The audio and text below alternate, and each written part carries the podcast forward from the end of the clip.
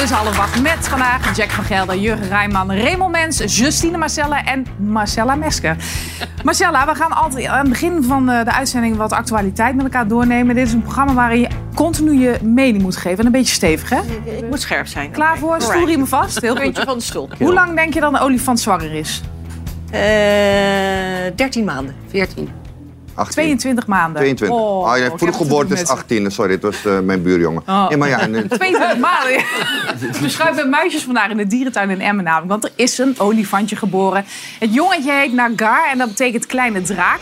En bij olifanten vindt de bevalling dus plaats in een familiegroep. Kun je even nagaan Marcella, als jij eh, ligt te bevallen... dat daar heel de familie omheen staat. En vooral de tantes die een hele belangrijke rol hebben. Ging Nou, bij mij snel hoor. Vier Ja, uurtjes. snel? Oh, Ja, dat is echt kwam rap. er zo uit. En Ja. bijzonder was dat deze eh, moederolifant die ging liggen. Ja. Dat doen olifanten eigenlijk niet. Die, die bevallen staand. Al dus onze olifantenkenner. Ja, Ja, dat is mijn lievelingsdier. Dit Ah. zijn Aziatische olifanten. Ja. ja leuk. Ik huis stop met mijn spreekbeurt. Jongens, ondertussen is er natuurlijk nog steeds een eh, behoorlijk vreselijke oorlog gaande. Maar met het ministerie van Defensie is eh, in Oekraïne is Nederland nu al ontzettend dankbaar.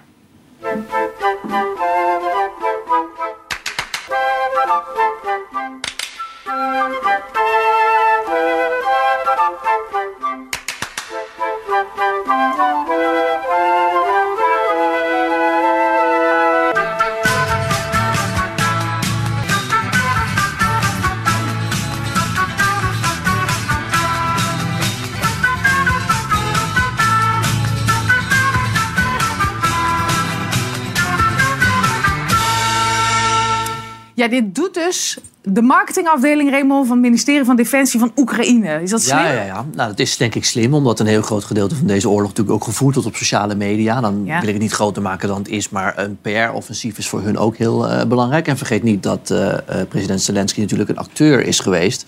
Dus die weet heel goed met zijn mensen hoe hij dit moet verkopen. Dus Twitter is ook een, en alle andere sociale media ook, zijn een belangrijk middel om bijvoorbeeld ook bondgenoten te bedanken en aan hun zijde te houden. En dat is belangrijk, want ze hebben ons waarschijnlijk nog heel lang nodig. En ze hebben ook nog heel veel geld en heel veel andere spullen nodig, voor misschien wel jarenlang. Ja.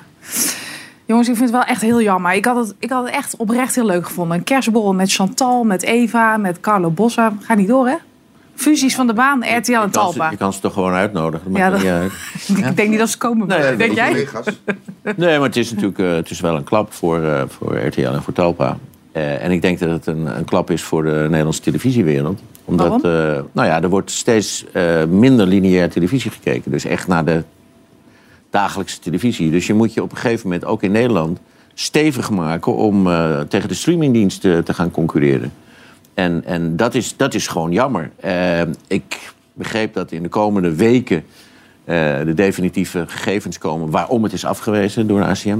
En, en dat er dan wordt gekeken of er misschien nog juridisch ergens iets te halen valt. Maar voorlopig is het dus een, een klap eh, eh, voor, voor Talpa, maar zeker ook voor RTL. Maar denk jij, Marcella, maar jij werkt bij de NOS. Nou, lekker, geen fusie, prima. Ook goed voor ons. Ja, ik, eh, RTL Talpa. Volgens mij is, is, is dat in het verleden toch al met, de- met de sport eh, geprobeerd. Met, dat is allemaal een keertje misgegaan. Het lijkt wel of het geluk ook niet aan eh, de kont hangt van eh, meneer De Mol. Ja, maar aan de andere kant denk ik ook, wij praten erover. Wij zitten allemaal in dat Hilversum. De rest zal het toch helemaal Ik denk dat de kijker geen idee heeft. denkt, dat Maakt niet uit weet je, of, of Chantal nou hier is of bij RTL. Nee. Dat, ik denk dat voor de kijker echt geen, Nee. geen niet zo'n big Nou, news ik, is ik denk als voor de gemiddelde media. televisiekijker dat het juist wel goed nieuws is. Omdat ze dan twee commerciële stations hebben die met elkaar concurreren. Dus dat is denk ik voor de gemiddelde televisiekijker wel goed. Iets anders is inderdaad streamingdiensten. Dan zou het fijn zijn als je de krachten kan bundelen. Maar als je gewoon televisiekijker bent, is het op zich goed nieuws denk ik dat je ook twee commerciële partijen hebt naast een eh, publieke partij. Nou, ik denk ook voor adverteerders dat het gewoon heel handig is. Want Ja. als, je, als je één commerciële zeg maar, partij hebt die alle tv bepaalt wat er gebeurt... Ja, dan krijg je ook degene die naar alle tarieven bepaalt. ja, maar daarom had Talpa gezegd, eh, de, de, de reclameinkomsten, dat wordt geregeld door, eh, via me, Media House. Ah, nou, maar dan gaan we heel gedetailleerd. Dan zal de Ja, nou, we zijn ermee bezig. Ja, bent- nee. jij bent ermee Ja, maar ik wil gewoon door. Want ik heb heel he- heet nieuws van de naald. Oh. De sportjournalist van het jaar is bekend geworden. En dat is geworden? Jack van Gelder. Het zou niet willen. Sjoerd Mossou. Nou, ik had het al lang een keer moeten zijn. Sjoerd Mossou schrijft van het AD. Mossou. En terecht, toch?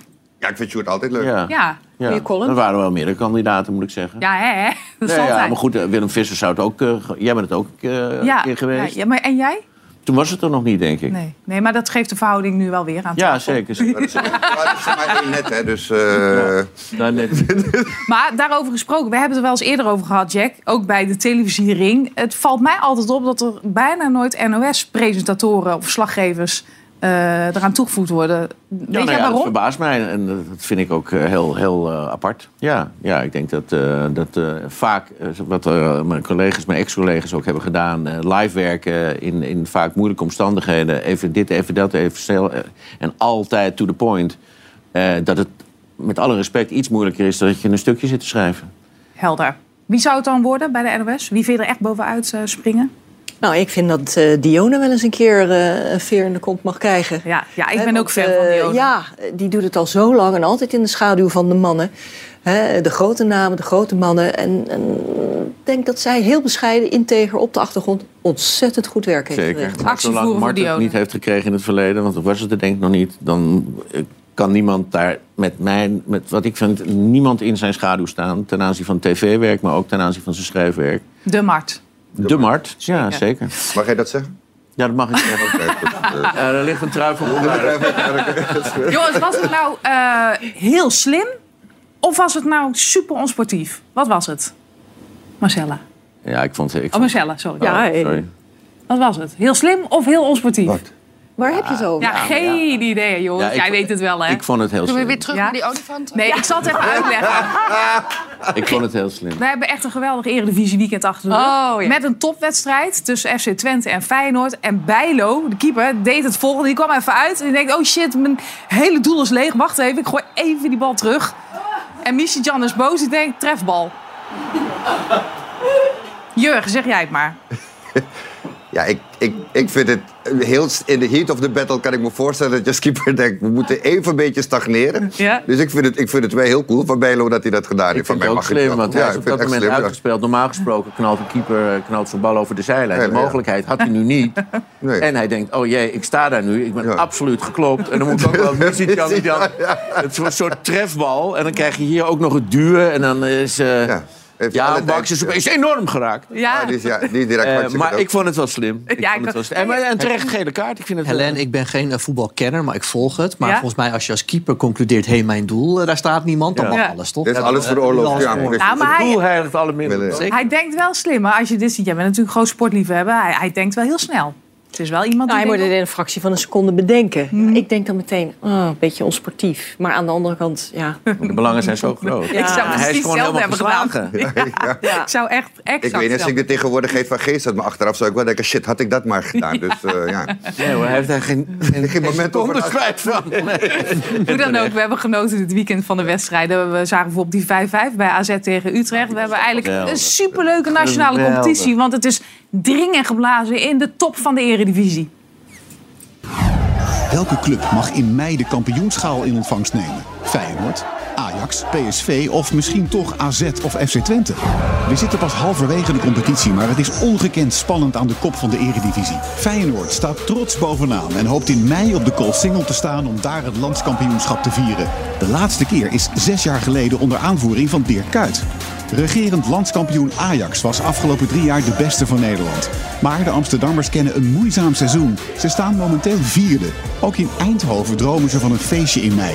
De laatste keer dat de schaal omhoog werd gehouden op het Stadhuisplein was in 2018. Maar PSV draait dit seizoen onder leiding van Ruud van Nistelrooy nog niet op volle toeren en moet het voorlopig doen met de derde plaats. En dus ruiken AZ en FC Twente volop kansen om de titel binnen te slepen. Beide ploegen laten dit seizoen wekelijks zien zich te kunnen meten met de traditionele top 3.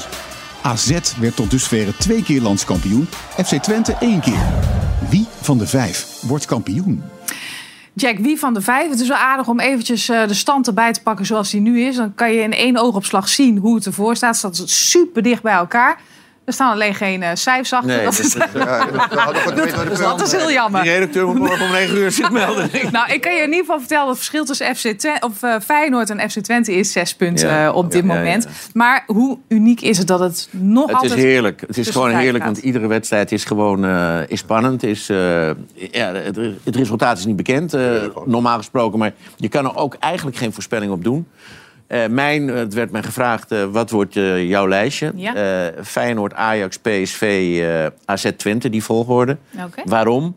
Eh, Feyenoord eh, draait eh, regelmatig eh, en heeft nu een, een paar zware wedstrijden... maar heeft natuurlijk wel altijd het grote voordeel van de twaalfde man, het publiek. Eh, Ajax gaat toch wel weer meedoen, want slechter dan ze de laatste twee, drie maanden hebben gespeeld... kan niet. En nog staan ze er heel dichtbij op die vierde plaats... met vijf punten achterstand op Feyenoord, waar ze binnenkort tegen spelen. PSV draait niet goed en ik denk dat dat een beetje kwakkelijk blijft. En AZ en Twente, eh, daar vermoed ik van dat ze toch ook op een gegeven moment punten laten liggen... waarvan je zegt, nou, dat, dat zou een topclub toch net niet hebben. Maar vandaar deze lijst. Zijn het de coaches die dit jaar het verschil maken, denk je, Jurgen? Eh, de Heel vaak wordt dat- maken altijd het verschil, denk ik. eh, Ja, denk je dat? Ja, want ik bedoel, als je kijkt naar een team als Ajax met zoveel kwaliteiten... en als je dan toch dit voor elkaar krijgt om zes wedstrijden op een rij... gewoon niet te winnen. Ja, dan, dan kan je niet meer zeggen dat het aan de spelers alleen ligt. Eh, dus ik geloof, ik geloof dat, ja, dat de coaches zeker een rol hierin spelen. Maar ik vind het ook gewoon leuk voor de competitie. Dat, dat er gewoon weer, weet je, naar de top drie, dat er ook weer spanning in zit. En ik ben Ajax ziet hart en nieren, dat, dat weet iedereen van me. En eh, ik wil natuurlijk heel graag dat Ajax het wordt. Maar ik zou niet verdrietig zijn, heel erg als Feyenoord of PSV het wordt dit jaar. Zeker niet als Oei, Feyenoord dat is nog wel of Ja, Twente, Ja, waarom niet? Ja, dat mag van mij Hoe vond je. Heitinga dit weekend overkomen? Hij is natuurlijk interim trainer van Ajax. Ja, nou, ik vond hem. Ik, kijk, het is natuurlijk. Het was zijn eerste grote wedstrijd, om het zo te zeggen. Ik, en ik ken hem persoonlijk ook redelijk. En eh, ja, het is Johnny zoals je Johnny kent. Gewoon, die weet je, die was gewoon. eh, relaxed. Oprecht ook boos de eerste. Dat ik, ik zag het ook, het is zich zat te ergeren de eerste helft. Maar is het ook een leiderstype, Johnny Heitinga? Of is het gewoon een aardige gozer? Nou kijk, wat, wat hij vooral goed heeft, hij is een people's person. En hij is heel persoonlijk, heel dicht op de spelers. En dat is wat je nodig hebt met zo'n team. Je moet iemand hebben die mensen kan managen. Die Aan de andere kant natuurlijk is. zeer onervaren op het hoogste niveau. Maar denk je, Jack en Marcella, eh, een schokeffect, werkt dat altijd? Eh, heel vaak wel. Ja. Ja? Ja, in de voetbalwereld volgens mij wel. Ja, maar ik vind dit geen schokeffect. In zoverre, de komst van Heitinga vind ik nog niet echt een schok. Want het is nog niet een cultuurverandering. Maar ehm, Als hij zeven keer op rij wint, ja, dan kan je zeggen... dan, hey, ja, dan heeft hij zijn positie Ja, wel dat- verdiend. nou ja, goed, het zou heel bijzonder zijn. Ik moet wel heel erg lachen dat ik vanochtend in de krant lees dat eh, ik las met name eh, twee mensen, Tadic en, eh, en Timber, die waren Ja. al buitengewoon positief over? Eh, Ze zagen, ze zagen ook meteen dat het toch wel heel erg veranderd was. En hij zegt zelf, ik heb zaterdagochtend gezegd... jongens, maak een beetje plezier en doe je best. en eh, dan denk ik, jongen, jongen, jongen, jongen. Ik gun het Heitinga. Ja. Het zou voor Ajax lekker zijn als daarmee de rust eh, in ieder geval weerkeert. Hij heeft, het voordeel voor hem is dat hij de krediet heeft. Een, een speler van het huis, dat, die heeft altijd meer krediet. Dus eh, het zou alleen maar leuk zijn. Dus hij lukt. moet het afmaken? Eh, als het lukt Kort. wel. Als het lukt wel. Ja. Ja, ja. maar afwachten, want Cambuur is weer een andere wedstrijd. En zo goed speelden ze gisteren ook niet, hoor. Maar ze hebben wel meer gelachen. Wat fijn voor ze, wat heerlijk. Ze, heerlijk. hebben- ze speelden, ze hadden weer zin in. Dat hadden weer zin in. Lachen, dat is ook iets wat Trump doet. Donald Trump, hij is er weer. We wisten al dat hij natuurlijk opnieuw een gooi gaat doen naar het presidentschap in 2024. Maar dit weekend heeft hij dan echt zijn campagne afgetrapt. En hij was weer eens boos. Ja. Terug van weg geweest, Donald Trump. Hij heeft in de staten New Hampshire en South Carolina zijn verkiezingscampagne van 2024 afgetrapt. I'm more angry now and I'm more committed now than I ever was because Donald Trump is altijd spraakmakend. Mexico will pay for the wall. Do you believe in punishment for abortion? There has to be some form of punishment. this is the legacy of Hillary Clinton death, destruction, terrorism, and weakness. I will. Totally accept the results of this great and historic presidential election if I win. Over zijn grote rivaal Joe Biden is Trump minder vriendelijk. Joe Biden has brought us to the brink of World War III. Op Facebook, Twitter en Insta is Mr. Make America Great Again weer in genade aangenomen. Nu nog bij zijn eigen partij en de Amerikaanse kiezer. Verdient Donald Trump een tweede kans? Zo, hij gaat er weer lekker hard in. Hè? Randje van de derde wereldoorlog, Raymond.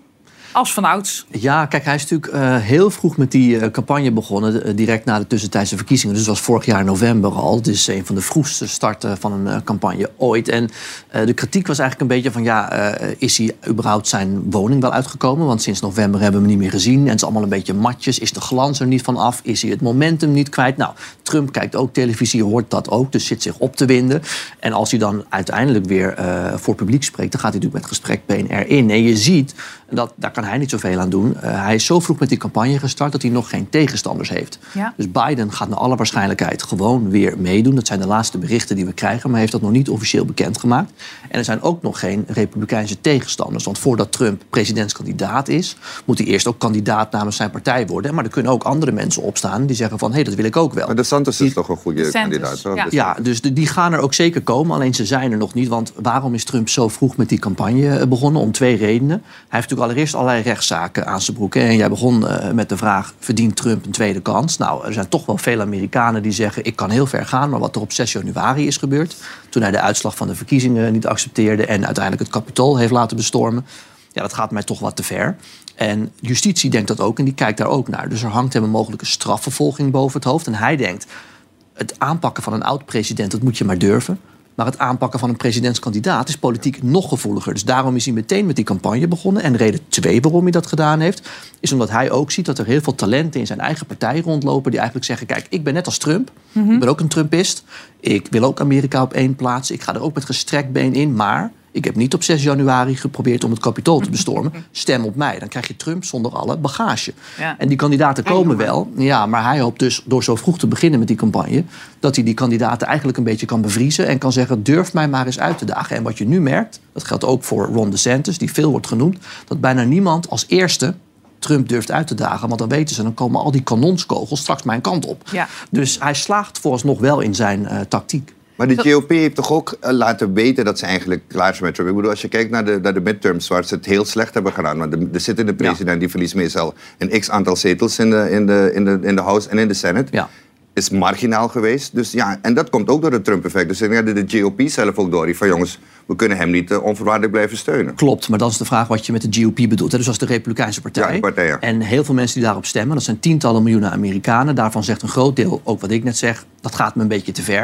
Maar uiteindelijk zijn het eh, de leden van die partij die gaan kiezen wie hun kandidaat moet worden. En als je dan naar de peilingen kijkt, dan staat Trump by far op kop nog steeds. Stel dat hij 40 tot 60%. president wordt, hè, dan is hij dus 78. Ja. Wat zei hij ook alweer over die leeftijd van Biden? Well, I think that uh, I just feel like a young man. I'm so young. I can't believe it. I'm the youngest person. I am a young, vibrant man. I look at Joe. I don't know about him. I don't know. Ja, dat is typisch Trump. Hij noemt zichzelf ook de beste presidentskandidaat... of de beste president die God ooit gemaakt heeft. Dus hij eh, praat natuurlijk op die manier over zichzelf. Ik moet daar wel bij zeggen dat als je kijkt naar hoe hij zich eh, uit... hij heeft natuurlijk heel vaak van die grote rallies... waar tienduizenden mensen eh, zijn. En je vergelijkt dat met Joe Biden, die een paar jaartjes ouder is... maar dan is het verschil wel heel groot. Trump oogt wel een stuk frisser en Maar ik doe me wel steeds aan een, aan een soort Seinfeld-achtige serie denken. Hè. Ik zit net te kijken naar één iemand die is seniel. Eh, en, en de andere is megalomaan. Die is gewoon gek. Ja. Eh, en, en dat moet in ieder geval voor de westerse wereld... de, de, Ja. de leiders zijn eh, achter wie je een beetje Nee, aan een gaat hele lopen. gevaarlijke Het is, toch- periode het is toch belachelijk? Ja, maak je nou, een beetje zorgen, mensen- Jack. Jij maakt Wat? je echt zorgen. Ik maak, nou ja, goed, ik, ik ben helemaal niet thuis in de Amerikaanse politiek. Behalve dat ik zo nu en dan eh, eens wat lees en, en wat hoor. Maar bij mij had Obama had, had een uitstraling waarvan ik dacht... ja, nou goed, als, als, ik ga op een gegeven moment even weg thuis. Zet mijn alarm niet in. Obama, die, Obama die staat er. Ja. Ja, en, en dat heb ik met deze totaal En niet. was ook een verbinder. En dat is deze man natuurlijk ook niet. Hij speelt juist mensen verkoopt je huis totaal meteen. uit. En Biden Ja. weet niet eens meer waar je huis is. slaat.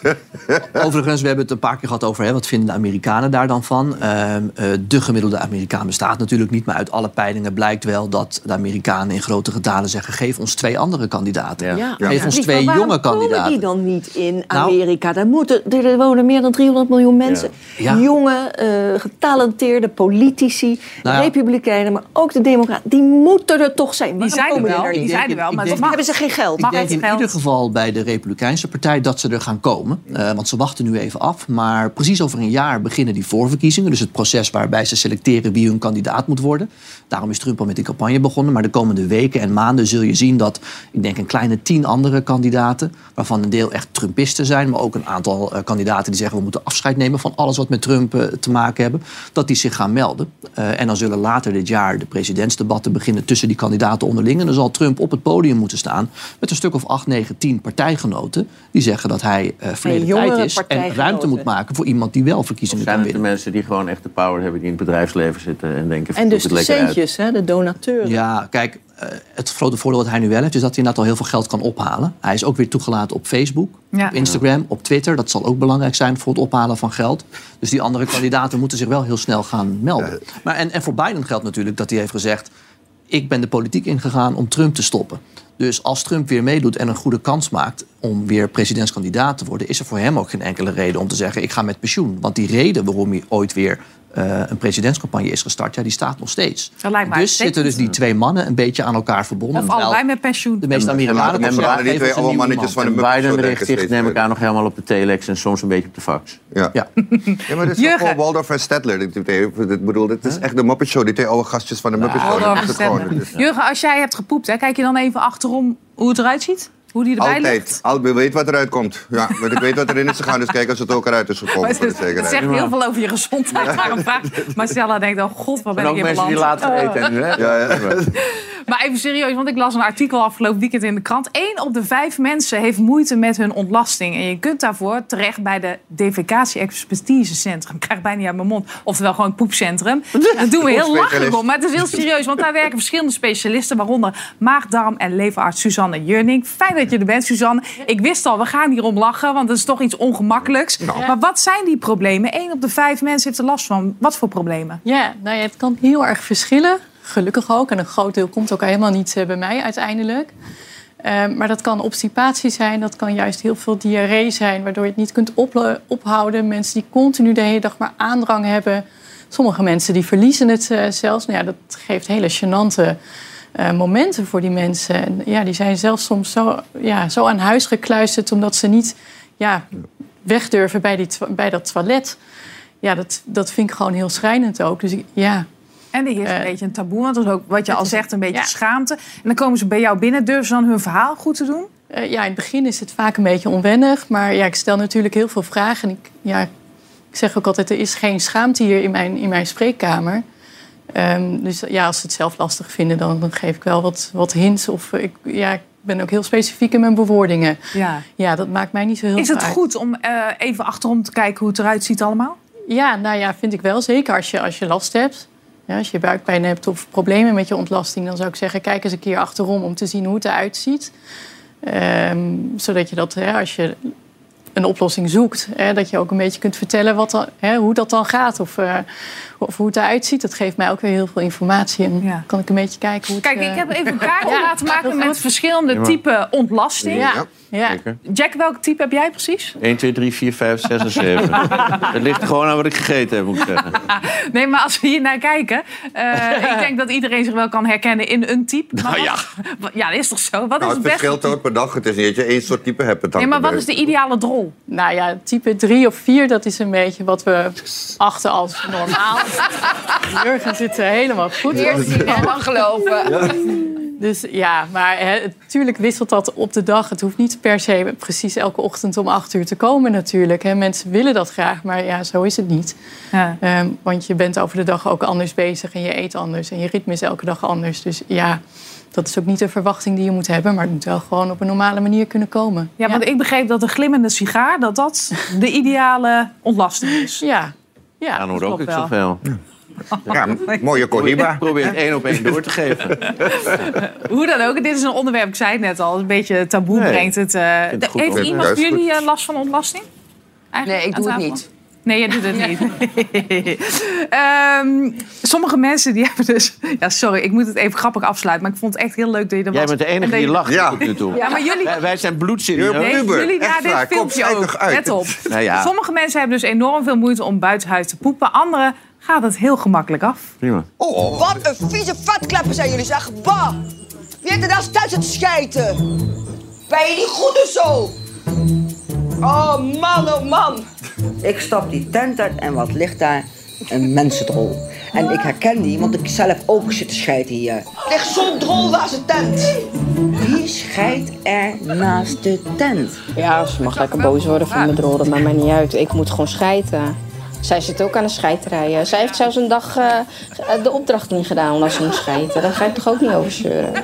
Ik heb dit echt vijf keer gezien. Dit is van Echt een meisje in de jungle. Op Videoland zien. Het is echt superleuk programma. Echt een, echt Maar wij zijn ook meteen, er lagen wel twee drietjes. We zijn wel meteen... eh, Ja, triple vier. Ja, maar liever dat ze naast de tent daar in de tent scheten. Ik bedoel, Ja, eh, hallo, ga even naar de borstjes. Precies, raartjes. Hoe dan ook, op Videoland allemaal te zien. Ja. Eh, maar ja, de fusie gaat niet door, dus ik hoef dit niet vier keer te zeggen natuurlijk. Ja, maar ik zit nu opeens aan het logo te kijken. ik denk, wat zie ik nu eigenlijk? Goed, is echt reclame voor je programma, schat. Suzanne, ik wil heel even afsluiten met het volgende. Heb je nog een, een eh, goede tip voor als je naar het toilet gaat? Dan moet je op een bepaalde manier zitten? Of wat, wat is handig? Eh, ja, gewoon hè, dat, je, dat je met je voeten, het liefst op een krukje, dus een beetje de Franse zithouding. Ja. niet te lang met je mobiel op de, tele, op, op de wc gaan zitten. Dus gewoon kort naar het toilet als je aandrang hebt. Eh, en dan vlot er weer af. Dus je voeten op een, eh verhoging, een want dan glijdt het lekker eruit. Ja. Tuurlijk. Dan weet je dat, Jack. We gaan, we gaan tennissen. En veel water We gaan drinken. tennissen. Ja, ik zit lang op het toilet trouwens. Ik Ja? Te lezen. lees, ja. Ja. In Servië is er geen enkele twijfel mogelijk. Novak is de grootste aller tijden. Niet Nadal, Federer, McEnroe of Borg. Als kind al trainde de kleine Novak om de nummer 1 van de wereld te worden. En in feite is Djoko met een record van 22 Grand Slam zeges en een beter onderling resultaat tegen Federer en Nadal al de allerbeste aller tijden. Zijn cijfers zijn ongelooflijk. Afgelopen zondag wint hij de Australian Open voor de tiende keer maar liefst. It's 10 and 22. Zeven keer Wimbledon, drie keer de US Open en twee keer Roland Garros. Hij staat momenteel op 1043 gewonnen wedstrijden. En met een totaal prijzengeld van 166 miljoen 861.716 dollar speelde geen enkele tennisser meer geld bij elkaar dan Djoko. Maar is de allerbeste ook de allergrootste? Marcella, jij hebt die finale gedaan. Dat was altijd eh, leuk om te doen natuurlijk. Aan de andere kant Tsitsipas, de verliezer, die zei... nee, Djokovic is absoluut de grootste aller tijden. Mee eens? Ja, ik denk dat hij dat gaat worden als hij dus het record in handen heeft. Hij staat nu gelijk met Nadal, 22 Grand Slams. Maar ik denk dat hij daar dik overheen gaat. En dus de allergrootste. Want Ivan Iv- De GOAT, the greatest of all time. Zijn, de zijn geit. trainer die zei natuurlijk al... hij gaat nog wel een twee, drie jaar door. Hij mag niet meedoen aan alle Grand Slams natuurlijk... vanwege zijn eh, vaccinatie die hij niet heeft. Eh, maar jij zegt ja, de allergrootste. Je had de Big Four. Murray, Federer, Nadal en Djokovic. Eigenlijk de Big Three nu, hè, die over zijn. Eh, maar als we naar die drie kijken... zijn drie totaal verschillende tennissers. Kun je kort uitleggen hoe ze zijn? Eh, nou ja, Federer is natuurlijk de meest elegante, misschien eh, ja, een hoop mensen zeggen de meest getalenteerde tennisser. Hè? De- wat, wat hij liet zien op het centercourt, alles wat hij in huis had, dat was wel heel bijzonder. De mooiste tennisser om naar te kijken, elegant. Nadal, de krachtpatser, hè, weet je nog, de bandana, de piratenbroek, eh, de sleeveless, eh, mouwloze shirtjes. Die enorme spierballen, hè, dat was meer de fysieke tennisser, hè, met een ongelofelijke wedstrijdmentaliteit. Allebei gunfactor natuurlijk. Gunfactor, zeer sympathiek, keurig gedragend, echte op- en top professionals. Eh, en dan heb je natuurlijk toch eh, het jongetje wat een beetje in die rivale tussen, strijd ertussenin ging zitten, Djokovic. En ik denk dat hij mentaal eh, misschien wel het beste is. Hij is de overlever van de drie. En ehm, ja, voor de buitenwacht niet de minste, eh, meest populaire. Maar ehm, ik denk uiteindelijk wel de beste. En hoe komt dat? dus. Dat hij niet de meest populaire is? Want jij hebt eh, je best wel verdiept in zijn achtergrond. Wat heeft dat ermee te maken? Ja, nou heel mooi. Hè? Vorig jaar, eh, een tijd geleden, anderhalf jaar geleden, met een Servische jo- journalist, Ivan Ilic. Aardige vent, volgde ook de tennistoernooi. We zijn een keer heel lang met hem gaan praten, anderhalf uur voor een podcast. Van eh, Ivan, leg ons nou eens uit, waarom is Djokovic zoals die is? Hè? Toch, ja, toch altijd net de verkeerde dingen doen, zich niet altijd goed gedragen. Nou, en hij, hij zei van, ja, wat wil je? Federer, academisch gezin, welvarend, opgegroeid in Zwitserland, Basel. Ja, wat kan daar misgaan? Hè? En Nadal komt uit een rijke, sportieve ondernemersfamilie familie op het zonnige Mallorca, het Spaanse eiland. Ja, hoe wil je het hebben? Eh, en dan heb je Djokovic, eh, die in armoede is opgegroeid. Oorlogskind. Hè? Hij was 10, 11 jaar. Hij zat in de schuilkelder. Vielen de bombardementen van de NAVO. Of hij zat eventjes op de tennisbaan. Zo is hij opgegroeid. Zijn vader komt uit Kosovo. Ouderwets, eh, eh, conservatief. Heel anders dan als je weer in Belgrado opgroeit, de grote stad. Ben je toch moderner, dan sta je open voor andere meningen. Eh, zijn moeder komt uit Kroatië. Dus ja, die, die, die achtergrond was al heel anders. En, en die vader die is nooit geholpen. Niet door de tennisbond, niet door sponsoren, niet door vrienden. Niemand had geld. Ze hebben iedere cent van hun pizza-restaurant hebben ze gegeven aan de carrière van Novak Djokovic. Er werden niet zoveel pizza's eh, verkocht aan de bodem van de skiberg waar ze woonden. Maar ze hebben toch geflikt. En het is zoiets van. Weet je, jongens, eh, we lachen jullie nu allemaal uit. 166 miljoen en nog een heleboel. En 16 euro. Ik denk dat ze 16 euro in hun portemonnee hadden destijds. Dus ehm, ja, het- ik, ik begrijp wel waar hij vandaan komt. En die Servische mentaliteit, die cultuur...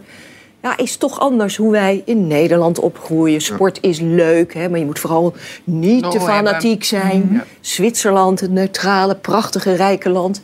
Eh, Spanje, het land van de zon en zeker de eilanden. Vakantie. Ja. Hè, Dus dus het is een in de beetje- spiegel. We willen allemaal zo zijn zoals Nadal en Federer. Het is een beetje wij tegen de rest. Eh, Van de je- wereld. Precies, maar eh, dat zien we nu natuurlijk nog steeds terug. Want zijn vader is dan weer een opspraak. Die moet dan weer iets doen waar de hele wereld het over heeft. Hoe kijk je daarnaar? Kijk, hier zie je Ja. hem met een Ja. vlag met Poetin erop. Nou, die vader, Oh, Serjan, die is natuurlijk ja, eigenlijk knettergek. Maar laten we zeggen, hij is gewoon niet zo heel slim. Hij heeft ook niet zoveel sociale intelligentie. Hè? Dat, dat eigenlijk voelsprieten van wat moet je zeggen op welk moment. Hè? Wanneer toon je empathie, wanneer toon je trots op je eigen kind. Nou, daar heeft hij geen geintje gevoel voor. Ik bedoel, hij, hij heeft eh, Djokovic, toen hij vorig jaar Australië uit werd gezet... omdat hij niet gevaccineerd werd, hield de familie thuis in Belgrado een persconferentie. Daar vergeleek hij Djokovic met God, eh, of de zoon van God, Jezus Christus. Die wordt ook gekruisigd, maar hij zal terugkomen, hij staat op. Ehm, en nu in Melbourne ging hij met Russische supporters op de foto. Na afloop van een wedstrijd tegen Rublev, een eh, Rus. Ja, achteraf zeggen ze, ja, hij dacht dat het Servische supporters Ja, was. Eh, ja, Met die koek, koek. vlag. Eh, hij zegt nooit veel tegen journalisten, maar als hij wat zegt, is het altijd het verkeerde. En hij verpest het voor Djokovic. Zo zonde. Justine, jij komt echt uit een tennisfamilie, begreep ik. Nou, tennisfamilie. Mijn zusje tenniste, mijn vader tennist. Eh, ik niet. Nee, maar als je zo naar die drie kijkt, wie, wie springt er voor jou uit? Wie, Nee, waar ik, kijk je ik graag sprak naar? mijn vader vandaag en die is wel heel erg eh, op Federer. Dus ik, eh, en ik ga mijn vader niet verraden. Dus ik ben ook voor Federer. Nee, hou jij van tennis, Raymond? Ik tennis als ik op vakantie ben een keertje. Maar, en als er een goede finale is en ik weet dat, dan kijk ik het. Maar verder volg ik het niet. Maar jij, jij noemde in het begin Murray, die mag in dit rijtje echt niet staan hoor. Nee. Ja, maar die noemden ze toen natuurlijk de Big Four. Maar Ja, met name, Federer met ook name gestopt in eh, Groot-Brittannië dan. Ja. Federer is ook gestopt. Je hebt nu alleen nog maar de top 2, hè? Djokovic. Ja. Hè? eh, Ja, maar ik 35, denk dat je het goed Nadal hebt gezegd. 36. Federer is, de, is echt de elegantie. is echt Ja. een echt prachtige speler om naar te kijken. Ik was een groot fan van Nadal. Een gegeven moment thuis in de tennis, want mijn vrouw was Federer, ik Nadal en dat zorgde Dat gaat niet, hè? En nu, eh, ja, en Djokovic, nu ik dat heb gehoord de van hij vandaan partypoeper komt. tussen die twee. Ja. Allergrootste tennisser ter wereld? Jack? Wie? Poeh, dat is moeilijk. Nou, de, de- degene waar ik het meest van genoten heb en wat niet de allerbeste tennisser was, was McEnroe. Ik was een Ja. enorme fan van, eh, van, ja, van deze boze jongen. Eh, en ik heb hem ooit lang mogen interviewen en ik vond het bijzonder. Ik vind het echt een bijzondere man. Eh, maar goed, er zijn zoveel. eh Lendl was saai, Sampras was saai, maar het waren wel hele goede tennissers. Ja, maar qua impact is Roger Federer, Federer, de allergrootste. ja. Djokovic is de allerbeste Ja. qua tennis en Ja. resultaten. En jouw favoriet? Ja, dat... eh, nee, alle Ah, drie, jawel. alle drie, alle drie. Nee, Nee, kom op, Nou, kiezen. Oké, ja, Federer. Heel Nederland is Federer, de Federer. Federer. Tuurlijk, zet er weer... De, Marcella Mesker, Federer, hartstikke goed. Ah. Ja. De politie van de Amerikaanse stad Memphis heeft dit weekend een speciale eenheid opgegeven... waarvan vijf leden betrokken waren bij de dood van Tyrell Nichols. Dit gebeurde op 7 januari tijdens zijn aanhouding. Let op, de beelden die kunnen best wel schokkend zijn. Hey, do anything. Hey, I didn't hurt ground. All right, all right, all right, all right. Get on the ground. Stop. One. Stop. I'm not doing it. Stay. Stay. Hey, Mike. Hey, bro, bro. Watch out, watch out. Watch out. Misschien goed om te zeggen als mensen thuis zitten te kijken en denken... wat zie ik nu? Maar heel veel agenten hebben in Amerika bodycams. eh, Ja. Dus camera's op hun lichaam. En die zijn vrijgegeven. En dat is wat je ziet. Ja, ja, Jack kijkt niet, dat begrijp ik eh, heel erg goed. Na drie dagen overleed Nichols dus aan zijn verwondingen in het ziekenhuis. Raymond, deze zaak, hoe anders is die dan de zaak, de moord op George Floyd? Nou, wat er gebeurt lijkt op zich hetzelfde. Hè? Dus eh, hij wordt aangehouden, zeggen ze, voor roekeloos rijden. Wij zien niet wat er daarvoor is gebeurd, maar zij zeggen... eh, we hebben ons best moeten doen om hem aan eh, te houden. Eh, vervolgens zie je vijf agenten ehm, hem uiteindelijk toetakelen eh, op een manier. Nou, we hebben tasers gezien, eh, ze slaan hem. Waarbij we hem ook op een gegeven moment weer zien wegrennen, waarbij ze hem achtervolgen. En uiteindelijk blijven ze dan op hem inslaan. Eh, en een half uur later pas komt de ambulance. Nou, je zei het net, drie dagen later alsnog is hij eh, overleden. Dat lijkt op zich heel erg op andere zaken die we vaker hebben gezien. Ook met George eh, Floyd, waarbij de politie dan zijn boekje te buiten gaat. Maar er zijn een aantal verschillen. Het belangrijkste verschil is denk ik dat de topdame van de politie daar in Memphis meteen heeft ingegrepen. En dit is al begin januari gebeurd, eh 5 januari al. En meteen deze mensen, die vijf agenten, dus op non-actief heeft gesteld. En ook heeft gezegd, we gaan die lui aanklagen. Dat zijn dus vijf zwarte agenten in dit geval. Daar wordt in Amerika ook over gesproken. Hè, dat het natuurlijk zwarte agenten zijn. Het is anders als George Floyd, waarbij het dan ook nog eens om witte agenten gaat. Maar het belangrijkste verschil is dat ze meteen heeft opgetreden. En dat heeft er denk ik voor gezorgd dat hoewel je de afgelopen dagen in Amerika veel demonstraties zag, is het eigenlijk in geen enkele stad echt fors uit de hand gelopen. Zoals we dat zagen na de moord op George Floyd. En ik denk dat dat komt omdat er meteen is ingegrepen. Ze hielden er wel rekening mee. Ze stond Ja, wel zeker. klaar. Ja, ja, nee, zeker, zeker. Dus, En dat kan, vrouw, kan En natuurlijk ook vrouw, is dan toch wel, maar die, eh, die da- eh, vrouwelijke topdame Ja, dus daar, die heeft meteen bijzonder. ingegrepen. En ik denk dat dat een belangrijk eh, verschil is. En dat dat ook eh, nou, vanmorgen nog op de Amerikaanse televisie... de ouders eh, van deze jongen, die 29 jaar was... maar ook een vierjarig zoontje heeft. Nou, die is nu dus bij zijn grootouders. En die vertellen op televisie eh, hoe ze zich hier doorheen proberen te slaan... en hoe moeilijk dat is. Maar dat ze wel blij zijn dat er meteen actie is ondernomen. En omdat die familie dat zegt... zijn er ook heel veel andere eh, eh, mensen die daar dus eh, op een wat minder emotionele manier op reageren dan toen bij George Floyd, toen men echt woedend was Ja. op het hele politieapparaat. Ja. maar ook omdat het blank tegen donker was. Ik denk dat dat het grote verschil ook is Ja. eh, ten aanzien van de felle protesten. Ja, ik vind dat, ik- dat het, heeft ook te maken met beeldvorming gewoon van de zwarte burger in Amerika vanuit de politie. Dat, en, en hoe je het ook bent of keert, ik bedoel dat het nu, jij kan zeggen het, zijn, het is black on black crime, maar het zijn geen maar het heeft gewoon te maken met hoe de politie naar zwarte burgers kijkt. Dat zei ik ook niet, maar ik zei dat het... Ja, nee, maar, nee, maar, dat, Ja. nee, maar dat- nee, je hebt dat niet gezegd. Maar dus dat is, weet je, dat is wel wat je heel snel hoort. Van ja, maar dit waren zelfs zwarte dus het kan niet racistisch zijn. Maar het is wel de framing van zwarte mensen in Amerika. Ik bedoel, als je kijkt naar witte massamoordenaars of zo, die worden altijd gearresteerd, worden altijd dingen. Eh, maar een jongen van 12 die met een op een pistool gelekend voorwerp in een speeltuin loopt, wordt gewoon neergeknald omdat ze hem eh, direct verdacht zien. Dus het, het, is heel, het heeft heel erg met de beeldvorming te maken. Helemaal eens wat je zegt. Eh, enige kanttekening, maar ik ben met je Mhm. eens dat uitzicht dan vooral op zwarte Amerikanen. Maar enige kanttekening, als je natuurlijk in Amerika agent bent, weet je dat iedereen daar natuurlijk A, een wapen kan hebben. En B, niet alleen maar een pistool, maar ook gewoon een, een machinegeweer. Dus eh, dat die politie daar, eh, daar ontzettend beducht op is en dan ook heel snel naar andere middelen grijpt, dat begrijp ik wel. Alleen uit de praktijk blijkt gewoon dat als je nou, er zo uitziet als ik, dat je Mhm. daar dus een stuk minder, vrijwel geen last Ja, van maar als hebt. jij wordt aangehouden, je rijdt te hard daar en, dan, eh, en je moet uitstappen, moet je ook zo op je auto, Ja, zoals de zeker, dood zijn. ja, ja. En dan moet je ook niet En weg. dat zijn zou- al in dit geval begrijp ik dat helemaal. Ja, gelukkig is er in ieder geval eh, snel ingegrepen. Eh, zometeen, we leven in een digitale wereld, maar gaat het soms niet allemaal veel te snel? En welke grote ster is er morgen jarig? Tot zo.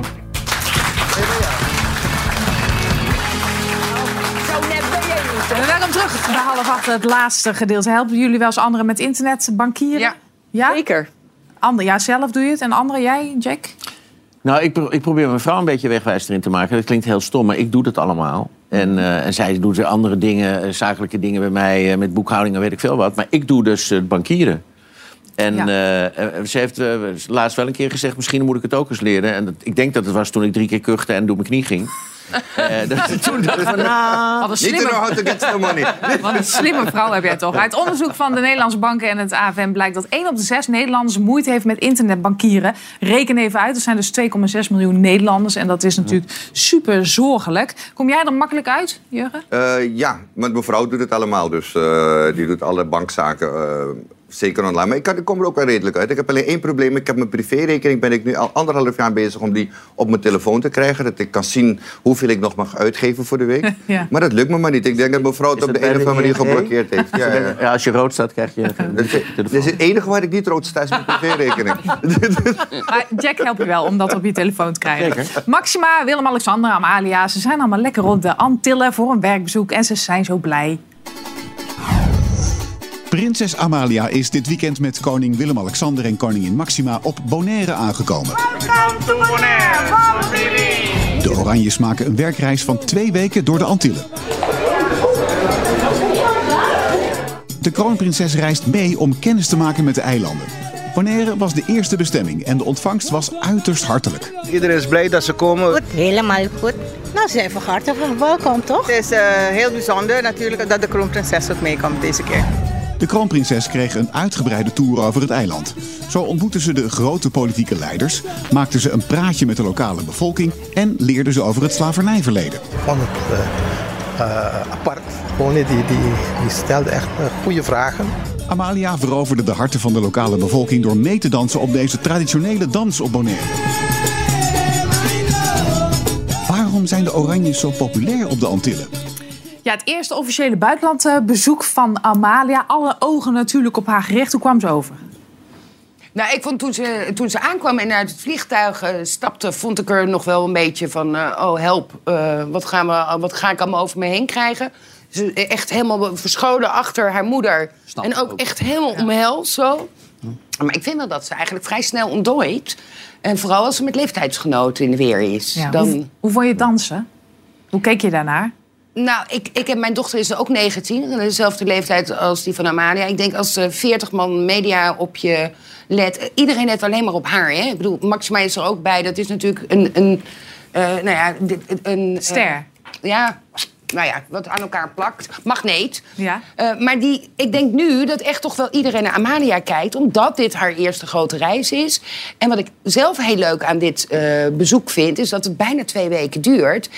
En we kunnen dus echt helemaal gaan zien hoe ze zich ontwikkelt. Van inderdaad begin een beetje spannend, achter mama verschuilen.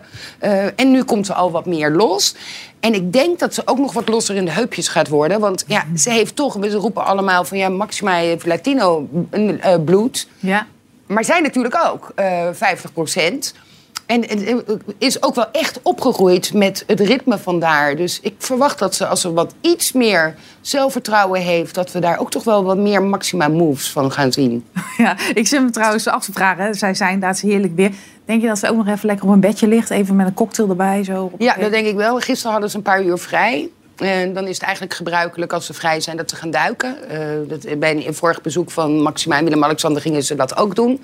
Ik verwacht ook dat ze dat hebben gedaan. Maar goed, ze wordt de cocktail queen genoemd, Amalia. Ze werkt Mhm. eh, af en toe op een strandtent eh, eh, eh, en schijnt heel goed cocktails te Dat maken. wist ik helemaal niet. Ja, in Wassenaar. Oh, ja? Ja, Ja, dat weet je echt maar jij, Nee. woont daar natuurlijk. Nee, ik woon in Den Haag. Maar ja, de koninklijke familie. Ik, ik ben wel een, eh, een koninklijke familiefan. Uh, dat van heb ik vandaag- doorgekregen van mijn moeder. Wat Ja, zeg je nou ik jasje oranje Ja, ja, ja, Ja, ik ik ben natuurlijk vast... niet aan. Maar stel je nou even voor, eh, Marcellus. Lig je daar zo lekker op het strand daar in Wassenaar... of waar, waar dan ook, in de duinen... en dan komt zij lekker met een cocktail. Dit is toch Ja. gek gezicht? Ja, nee, maar ze is Waarom is doodnormaal. er geen gezicht? Nee, gek Ze is gezicht. doodnormaal. Oh, nou, niemand, niemand valt haar daar lastig. Dat doet ze geweldig.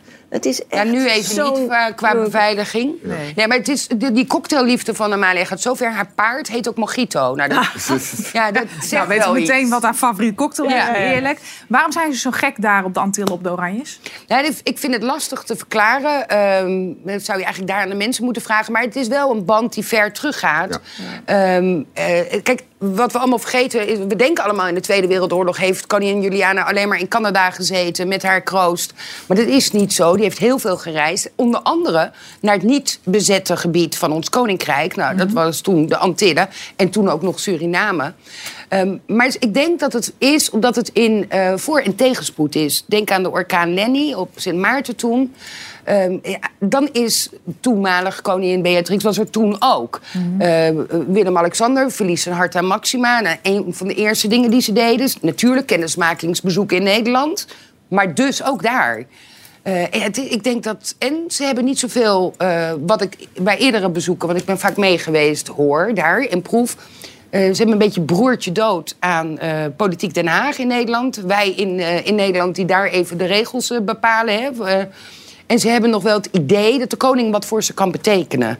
Dus eh, ik heb ook gezien, er waren de demonstranten... en Willem-Alexander laat echt zijn auto stoppen, stapt uit... en gaat met de mensen in gesprek. Dus ja, ik, ik, moeilijk te vertellen waarom. Maar het is, zij, de Oranje zijn heel graag daar. Ook Dat snap prinses, ik. Ook prinses Beatrix, ja, maar ook inhoudelijk. Nee, maar als ik, als ik, als ik, als ik kijk naar Suriname bijvoorbeeld. eh, ik heb nu nog, als ik naar bepaalde tantes van mij kijk in Suriname. eh, die zijn zo koningsgezind. Dus het is een bepaalde generatie die heel erg koningsgezind was. En eh, die hebben, het- sommigen hebben het overgegeven aan hun kinderen. Maar je hebt ook een hele grote groep die niet zo koningsgezind is op de eilanden. Vergis je dat niet. Natuurlijk zien we in het nieuws liefst dit. Dat weet je hoe dat gaat. En de mensen die heel blij zijn. Ehm, dus het is, het is net als in Nederland is het denk ik behoorlijk 50-50. Mhm. Eh, dus om te zeggen van heel Antillen loopt uit en ligt in Katzwijm voor de koninklijke familie. Dat, Dat is ook weer niet zo. dat is zeker niet zo, maar het- ze zijn wel meer geliefd daar dan hier, eh, denk ik. Ja. Dat denk ik ook, ja. Absoluut. Zag jij het ongemak een beetje bij... eh, want daarom vroeg ik natuurlijk naar dat dansen. Zag je het ongemak bij Amalia? Ja, nou ja, je had het over je dochter, maar toen ik die leeftijd had, nou kan ik nog steeds niet dansen. Maar als ik dan moet dansen en er staan dat 40 fotografen om je heen, dat vind ik ook wel sneu. Als je, eh, ik vind het knap hoe ze het doet, maar ook als je bijvoorbeeld haar eerste dagen op de Universiteit van Amsterdam zag, toen ze daar nog heen eh, kon. Ja, het is natuurlijk toch gek als je 18 bent en er staan in één keer 40 fotografen, omdat jij toevallig naar school gaat. En Bij die universiteit waren het er wel 200, denk ik. ja, en ik ben heel benieuwd, want aan het eind van zo'n eh, bezoek komt natuurlijk altijd zo'n persmoment dat je vragen Ja. kan stellen. Dus dan zal ongetwijfeld een beetje journalist vraagt haar natuurlijk hoe gaat het met je Ja. met al die bedreigingen. Zal ze beperkt, Goeie vraag zeg. ja, daar zal ze een beperkt antwoord op kunnen geven. Maar ik ben wel benieuwd, omdat dit gun je natuurlijk niemand en zeker niet zo'n klein meisje die hier niet voor gekozen heeft. Nou, is ze daar heel goed in, want we hebben al een gesprek met haar gehad. En eh, Wanneer dan? eh, de- bij de laatste fotosessie was Oké. dat, dat is een paar maanden geleden. Ja.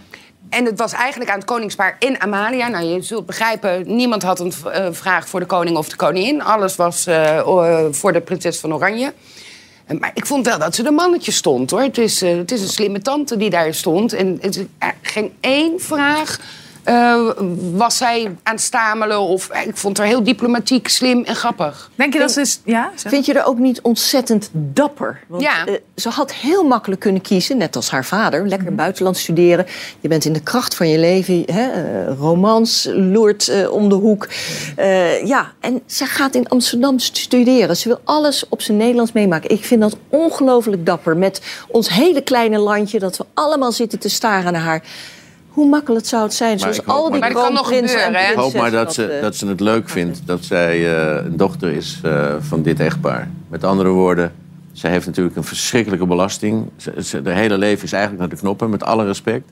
Tenzij je altijd hebt gekozen voor ik wil prinses zijn en de man op het witte paard ontmoeten. Nee, maar ze heeft het. Ze het is, het echt ja, maar het is natuurlijk een verschrikkelijk leven. Ze Nu- willen een steentje ook- bijdragen om, Ja. zoals ze zeggen, het land beter achterlaten dan hoe je het aantreft Nou ja, dat bij is geboorte. fantastisch, maar de In dat kader, want die ze het- nu heeft ingeleverd... Ja, dat is vreselijk. verschrikkelijk. Zij in moet dat kader, de want het zal heel dapper zijn. Ik gun het haar wel om wel in het buitenland te studeren. Weet je wie heel verdrietig is? Prinses Beatrix. Ja. Ja, wordt ze morgen, Morgen. 85, is haar familie er niet bij. Nou ja, kijk, deze, deze drie zijn er niet bij. Maar ze kan natuurlijk, ze is dol op zaggertorten. Eh, dus, Ik ook. ja, nou, we gaan langs. Heerlijk. Eh, maar ze heeft natuurlijk nog een zoon, hè? Ja. Eh, Constantijn en Laurentien en Ariaan. Ja. Want die is natuurlijk ook thuis. Alexia zit in Wales, maar Ariane is ook nog thuis. En bij de Royals is een kroonjaar heel belangrijk. Dus als ze 90 wordt. Nou ja, la- eh, laten we hopen dat ze dat gaat bereiken. Eh, maar dat zijn de grotere feesten. Ehm, Ach, ze en- zullen het vast inhalen, denk je ook niet? Tuurlijk. 85, mooie leeftijd. Gefeliciteerd namens ons. En wie is er morgen ook jarig? 74 wordt hij. Kom op, jongens. De grote ster van Nederland. Geen idee. Johan Derksen. Oh. Ja, dus bij deze Johan gefeliciteerd. Je zit natuurlijk te kijken, je favoriete programma. namens de hele redactie. Ja. Ontzettend fijne dag morgen. En eh, proost en kusjes voor jou. En tot vrijdag. Jongens, bedankt allemaal. Suzanne, leuk dat je er was. Kom nog een keertje terug. En eh, morgen dan eh, ben ik er gewoon weer. En dan zit hier Filemon Wesseling en Rutger Kastekum. Dankjewel allemaal. Bye.